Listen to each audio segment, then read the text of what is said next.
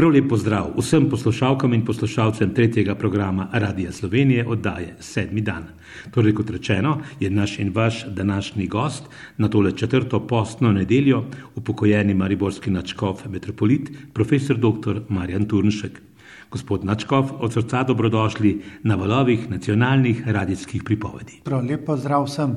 Torej smo rekli, da je danes četrta postna nedelja. Gospod Načkov, dr. Marjan Turnšek, povejte nam, kako vas ta čas na ravni vaše intime nagovarja. Postni čas je vedno izziv. Izziv, da se obrnem najprej v svojo notranjost, da pogledam, kako sem jaz in kako je Bog v meni. Ker to dvoje se mi zdi, da je temeljno in bistveno, iz tega pa mi potem eh, odide pogled na ljudi okrog mene, torej na bližnje. No in posni čas jaz doživljam predvsem to, obnovitev pristnih medsebojnih odnosov. Si vzeti čas, da to preverim, da to pogledam in potem naredim nekaj za to, da bo boljše, da bo lepše, tako okrog mene, v svetu, da v mojem srcu več bogatstva, tega duhovnega bogatstva, več svetlobe, in ko bo tam več svetlobe, bo tudi več svetlobe na obrazu, in ko bo obraz svetil, bo svetlo tudi ljudem okrog. In mislim, da je to tudi moje poslanstvo.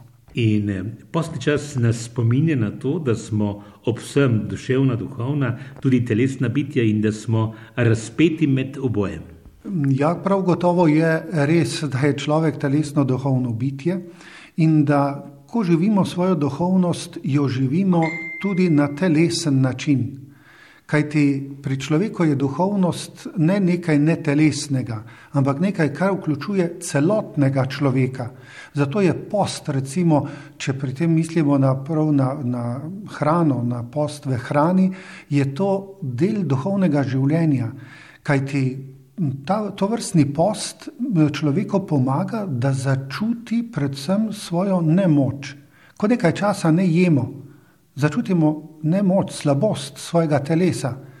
In to človeku lahko po, eh, da priložnost, da se zave, da je sam nemočen. Samo en dan ne jem, pa sem šibek, pa se že tresem, da potrebujem Boga, da se lahko obrnem v globini k Bogu. Torej, Krščanski post ni v tem, da se pustimo, pa je to nekako shojševalna kura ali kaj podobnega. Tudi ne v tem, da to, kar s tem prihranimo, damo drugemu, eh, ki potrebuje bolj kot jaz. Čeprav tudi to. Ampak temeljno je to, da začutim svojo nemoč na telesnem področju in jo potem apliciram na duhovno področje. In se tako znajdem kot obok, kot revež pred Bogom, za katerega pa je ta revščina tako veliko vredna, da je pripravljen za njega dati svojega sina, da gre na križ in umrje, da premaga smrt in preko smrti privede tega reveža, ta prah in pepel v življenje in to večno življenje. Kako je pomembno, da tudi v času dan današnjem, ali pa še zlasti v času dan današnjem, ki je tako nagnjen k individualizmu, k triumfalizmu, k tekmovalnosti, k primerljivosti in primerjanjem, ker šteje samo to, kar se lahko kvantificira. In v tem postnem času, glede na to, kar ste zdaj le, eh, rekli, ne, je pa to poziv, je pa to apel, naj se vrnemo k tej prvinskosti, preprostosti, naši majhnosti. Vrniti se k človeku. Ne? Človek naj postane človek. Torej, to, kar človek v svojem bistvu, v svojem jedru je, to, kar človek je, po tem, kar je Bog ustvaril, ko je ustvaril človeka. K temu se je treba vrniti. In kaj je Bog ustvaril, ko je ustvaril človeka? Ustvaril je bitje, ki se ne more samo uresničiti. Ljubite, če lahko, če nikogar ne ljubite. Ljubite samo samega sebe, to pa ni ljubezen, postane egoizem in pravzaprav postane uničenje človeka. Človek se lahko uresniči samo v odnosu, pristnem odnosu dobrote, ljubezni, naklonjenosti do drugega. Zato je že na začetku svetega pisma eh, sporočeno, ni dobro človeku samemu biti in Bog Adamu ustvari še Evo. In ko je šele ko je bila Eva ustvarjena, je bil človek pravzaprav zares ustvarjen kot to, kar si je Bog zamislil. Ko si je zamislil, naredimo človeka po svoji podobi in podobnosti. In v čem je človek Bogu podoben? Po telesu ne, ker Bog nima telesa. Ni podoben po duši, ker Bog nima duše. Ampak je podoben po odnosu, ker Bog se nam je najpopolneje razodel kot sveta trojica, torej odnos med tremi osebami. Zato je človek Bogu podoben samo, če ima tako odnos do drugega človeka, kakor imajo tri božje osebe med seboj odnos v sveti trojici. Koliko to, nam je to razodeto, to dano, da to malo razumemo, lahko uvidimo, da se tri božje osebe tako ljubijo med seboj, da so v tej ljubezni eno ker je to absolutna ljubezen, so tudi absolutno eno. Seveda, ljudje tega nismo sposobni v taki meri, smo pa sposobni po svoji meri. In to je mera, ko namesto egoizma zavlada altruizem, ko namesto egocentrizma postanemo altrocentristi. Pomeni, da imamo svoj center bivanja in uresničevanja v drugem, ne v sebi. In šele v tem, ko drugega ljubimo, ko se drugemu darujemo, pravzaprav prihajamo do samega sebe. Zopet, če se vrnemo na začetek svetega pisma, Adam je spoznal, kdo je, ne ko je poznal vse rastline in poznal vse živali, pa jih je celo imenoval, ampak ko je spoznal Evo. Šele takrat je on spoznal, kdo je, zakaj je, čemu je, kaj je smisel njegovega življenja. In Eva enako. In gledite, postni čas nam pomaga zoreti na tej poti, eh, da se odpovemo imeti, zato da bolj bomo. Da se odpovemo temu grajenju svojih eh, gradov zase, zato da lahko odpremo svoje domove drugim. Šele potem pravzaprav začnemo kot ljudje živeti. Kako žlahtno in kako mehko zveni to, kar ste zdaj le rekli in kar pravite, in kako je to v nasprotju s temi sodobnimi duhovnimi, zlasti New Age-skimi agendami, ker je samo realizacija nekakšna mantra, kako se boš pa sam realiziral brez Boga. Ja, tukaj ima svet veliko ponudb ne, na tem področju in so zelo privlačne. Uh, Neke bližnjice so videti, lahkotne. Ja. ja, so zelo privlačne, vendar na koncu pravzaprav vedno razočarajo. Zato, ker, gledite, New Age, če ste že ga omenili, ne, New Age je pravzaprav eno skupno ime za, za en, eno gmoto eh, zadev. Ne. Nekateri to imenujejo, da je New Age ena tržnica ne, ker je ogromno stojnic, med katerimi človek hodi sam in si izbira, kar si sam hoče.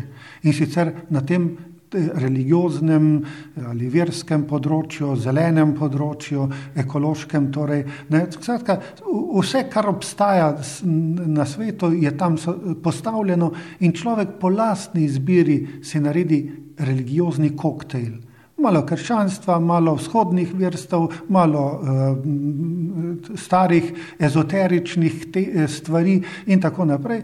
Danes to, jutri ono. Ampak to je, gledajte, to je kaj je to? To je princip potrošništva na področju religije oziroma vere. To, kar delamo, ko gremo v vele centre, vzamemo košaro, voziček in noter malo tega, malo onega namečemo, pa še nekaj, kar ne potrebujemo. Ne? E, tako nekako tudi tukaj je ponujeno v tem New Ageu in misli človek, sodobni človek, da ga bo to usrečilo, da ga bo to rešilo. Vse ima, gotovo ima marsikaj eh, take prijetne učinke, tudi dobre, kratkoročne učinke. Vendar tega ne moremo in ne smemo zamenjati za duhovnost. To ni duhovnost. To je še vedno, vsaj z krščanskega vidika in svetopisemskega vidika, je to še vedno meseno. Torej, jaz sem tisti, ki izbiram in jaz vem, kaj je meni zdaj le prav, kaj potrebujem in kaj ne, kaj mi je v dobro, kaj mi pa ni v dobro. In tu je laž. Človek ne more vedeti, kaj je dobro in kaj je slabo, sam od sebe. To je pridržano Bogu. In šele v Bogu in s pomočjo odnosa z Bogom prepoznavamo, kaj nam je v dobro, kaj nam pa je v zlo. Če ne, lahko pademo na na vides, na, na to, kar se na vides vidi. Torej, gost naše današnje oddaje s poudarjeno duhovno vsebino je upokojeni mariborski načkov, metropolit, profesor dr. Marjan Turnšek. No, in ta posni čas, ki, ki ga vi tako ilustrativno no, opišete kot eh, prijazen stop Božjega na neki zgoščeni varianti v naša srca in, in povabilo, da Gospod stopi v nas in je z nami. In eh, ta osebni odnos do Boga ne, je pa v bistvu ena velika milost. Ni. Izključno milost, ne stvar naših prizadevanj, toliko. Ne, da, ne? Gotovo je res, da priti do Boga, biti v odnosu z Bogom, ne more biti naša zasluga. Ker je, sem že prej enkrat omenil, da je človek ustvarjen za cilj, ki ga presega. Torej, človek je bitje, ki ne more svojega cilja doseči sam. In Bog je tisti, ki pride Bog, človeku naproti. Zato, da človek lahko uresniči svoj cilj, ki, ki ga presega. Kaj, ti, kaj je človekov cilj po krščanskem razodetju? Da ga Bog pokliče v bivanje s seboj. To pa ni v moči človeka.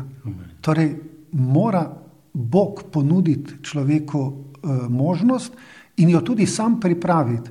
In gledajte, posni čas je prav to tudi, da se tega zavemo, da nam je Bog pripravil to možnost, da stopimo z njim v stik. In sicer kako?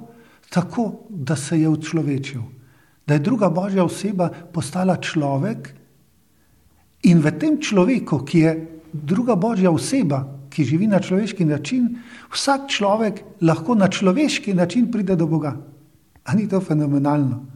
Čudovito, ne? Čudovito, Kakšen dar pravzaprav. Čudovita zamisel Boga, Boga očeta, ki nas ima tako rad, ne, da pošlje svojega sina, torej drugo božjo osebo, da na tak način zaživi, da se ga jaz lahko dotaknem, da ga lahko slišim, da ga lahko objamem, da ga imam lahko človeško rad, tako kot vsakega drugega človeka, ki ga vidim pred seboj, ki, ga, ki mi je ohranil svoje besede, Torej, gledajte, do, bo, Jezusov dotik, človek, je, dotik Jezusa človeka, njegove roke je božji dotik. Zakaj? Zato, ker se ne dotakne roka, ampak se oseba dotakne. Ko, se, ko eh, mama se dotakne otroka, otrok ne reče: Mamina roka se me je dotaknila, ne? ampak mama, mama se me je dotaknila, mama je pa oseba. In tako je za Jezusovo roko se druga božja oseba dotaknila človeka in se preko Euharistije dotika tudi danes. In gledajte, to je čudež, to je, to je milost, kot ste prej rekli. Milost, ki je ta pravzaprav eh, božja naklonjenost človeku. To je, to je milost, to je z, prav, zadnja beseda o milosti. Pravzaprav. Bog je vedno naklonjen človeku, ne glede kakšen je, tudi največjemu zločincu. Tudi tistemu, ki povzroča vojno, je Bog nenehno naklonjen. To pomeni, da ima dostop do njega, da ni, Bog nikoli nad nikomer ne naredi križa in ga odpiše. Meni je bilo tako pretresljivo, ko sem v nekem zapisu v teh širokih paletah medijskih ponudb v času te žalostne ruske agresije na Ukrajino je nekdo citiral vaše, vaše misli iz nekega bogoslužja vašega, kjer ste vi rekli, da je treba zamoliti tudi za Rusijo in Putina. Pravzaprav sem to zapisal na svojem Facebook profilu tisti dan, ko se je začela vojna, ker sem začutil, da moram to povedati, da moram to dati sebe. Kajti začutil sem veliko nevarnost, da bo zdaj v svet začel preklinjati Putina in Rusijo.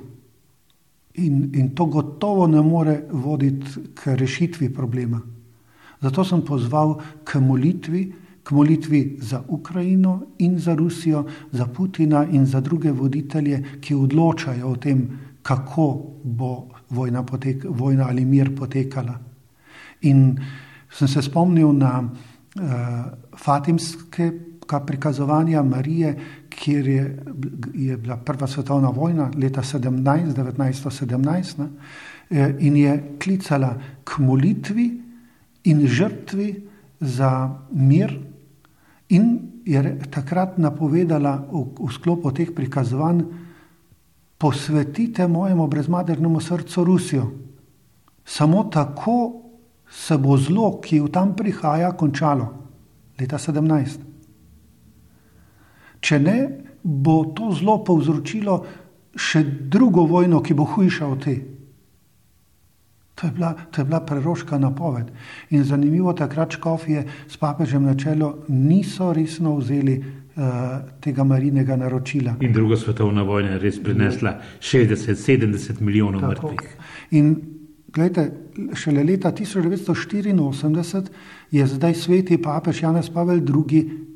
Izvršil to naročilo. In takrat se je začel rušiti berlinski zid, takrat se je začelo ustavljati prodiranje tega zla za vzhoda naprej. Ni se zaustavilo, ker to bo šele na koncu sveta, bo zelo popolnoma ustavljeno. Se pravi, zelo želi, želi se vedno znova aktivirati, imamo to izkušnjo. No in tisti dan, ko se je to zgodilo, sem začutil, da je zopet čas, ko postane Marijin klic iz Fatime aktualen.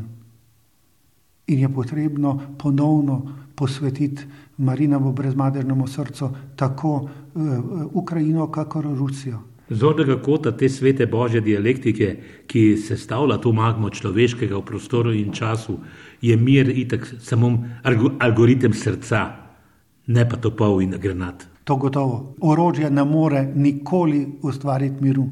To, to, to je paradoks, to je, to je sam v sebi nesmisel. Ne? Kako bo orožje, ki je, ki je vzrok bolečine, vzrok smrti, prineslo mir. Dokler bomo gradili ali pa hoteli graditi mir na, na tem eh, kopičenju orožja, eh, da bomo z orožjem tekmovali ali pa drug drugega strašili, tako dolgo gotovo ne more biti miru. To je en vidik. No.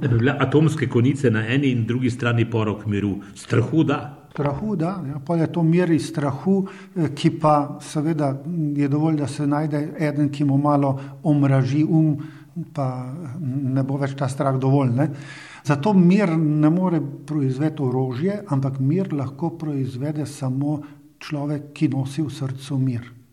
Nekje sem se zdaj spomnil ene misli, blažene matere iz Kalkute, matere Terezije, tako je nekako zapisala: Če želiš res spremeniti svet, pojdi domov in ljubi svojo družino. Tako je, spremeni sebe in to v smeri ljubezni, in to uresničuj z najbližjimi. In vsako leto znova, in to je ta izjemna impresivnost teh praznikov, velikonočnih, ne? ta postno velikonočni čas nas vedno znova, to, kar ste tako slikovito povedali v uvodu te oddaje, eh, načkov dr. Marjan Turnšek, postni čas nas vrača, nas pošilja nazaj v nov razmislek o samem sebi in o tem odnosu ena na ena z Bogom. Ne? In velika noč, pogledajte, se zopet začne dogajati tako. Jezus se začne prikazovati posameznikom, osvoji Zdaj, kot ostali srce posameznikov, najprej žena, potem moških, apostolov, in potem jih utrjuje, ne? Zopet jih srečuje kot posameznike, potem jih srečuje kot skupnosti, to je drugi korak, ne? da ta posameznik ne živi kot posameznik, ampak živi v skupnosti in tudi ta skupnost začne svoje tem, v svoje temelje polagati v stalega. Ne? Srečevanje s ostalim postanejo temelji crkve, temelji te skupnosti, in ko izvrši svojo obljubo v stali in pošlje svetega duha, ki napolni posameznike te skupnosti in skupnost kot celoto, ta skupnost bi lahko rekli eksplodira. Ne? Eksplodira eh, v dobrem, eksplodira v tem oznanilu eh, božje naklonjenosti vsemu človeku in eh, človeštvu. In gledajte, to je naša naloga, ne? da srečamo ostalega in potem kot Pavel, ne? kot Pavel, ko je srečal ostalega tam pred Damaskom, ni več uvire za njega, da bi ne oznanjal, pa so ga tepli, eh, so ga bičali, so ga mm, vrgli iz Ječe, mesta ja. v ječa, v ječe, na morju se je ladja razbila, ne pravi, ampak on stane, gre naprej in zopet oznanja. Ne, ampak, gledajte, gre za, za to živo, da za res živo srečam, ne da si mislim, da srečam. Ne. Ker to je, to je možno, da Bog te živo sreča.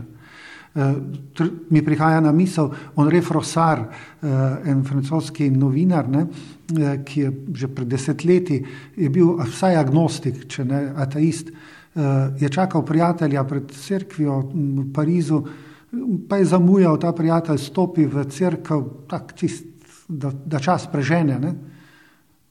Čez pet minut stopi kot vernik in je napisal knjigo Bog biva, srečal sem ga. Ja, imamo tudi v slovenskem prevodu, kar precej stare že. No in gledajte, tam noter med drugim tudi to pravi. Cel svet lahko govori, da ni Boga.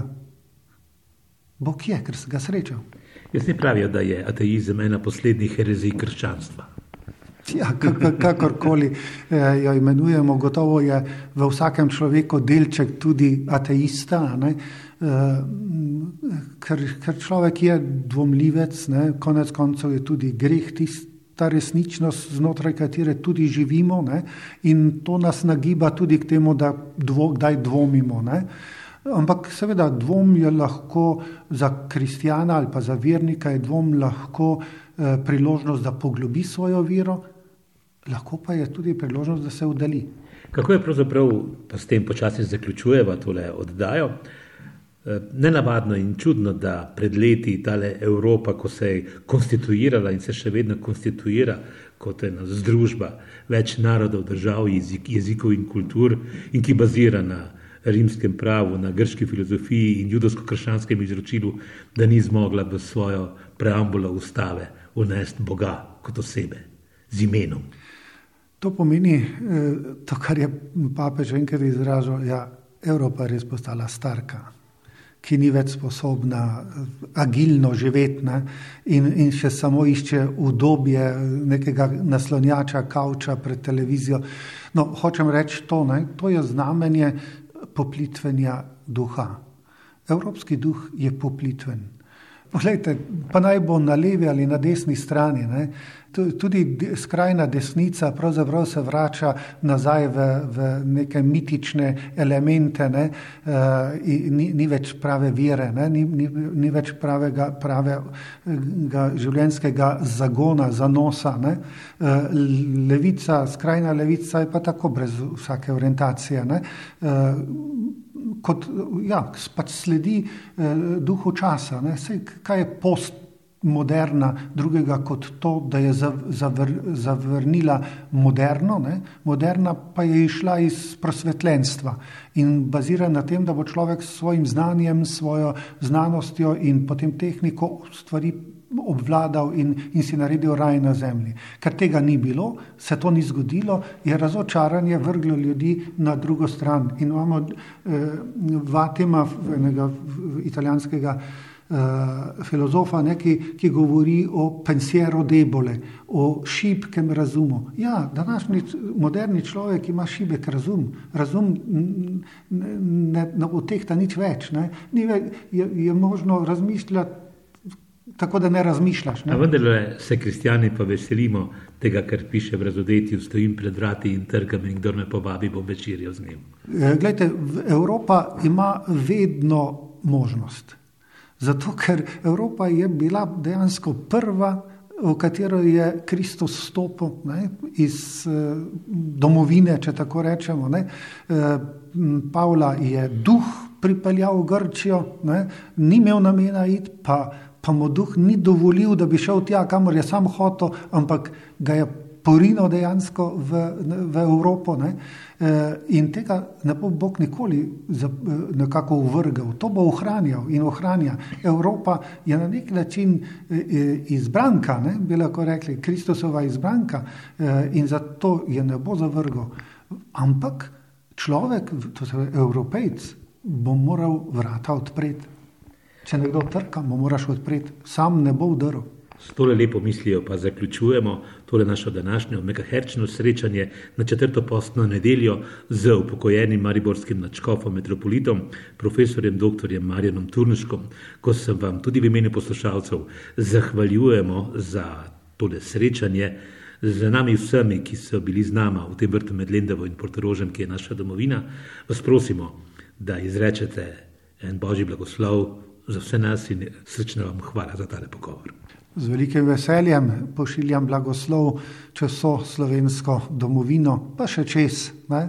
Kaj ti res želim, da bi ta posni čas prinesel nekaj novosti v naša srca, novosti v odnosu do sebe, v odnosu do Boga in v odnosu do drugih ljudi, do bratov in sester, do svojih sodržavljanov, ki živimo na tem lepem koščku zemlje, s katerim nas je Bog tako bogato obdaril.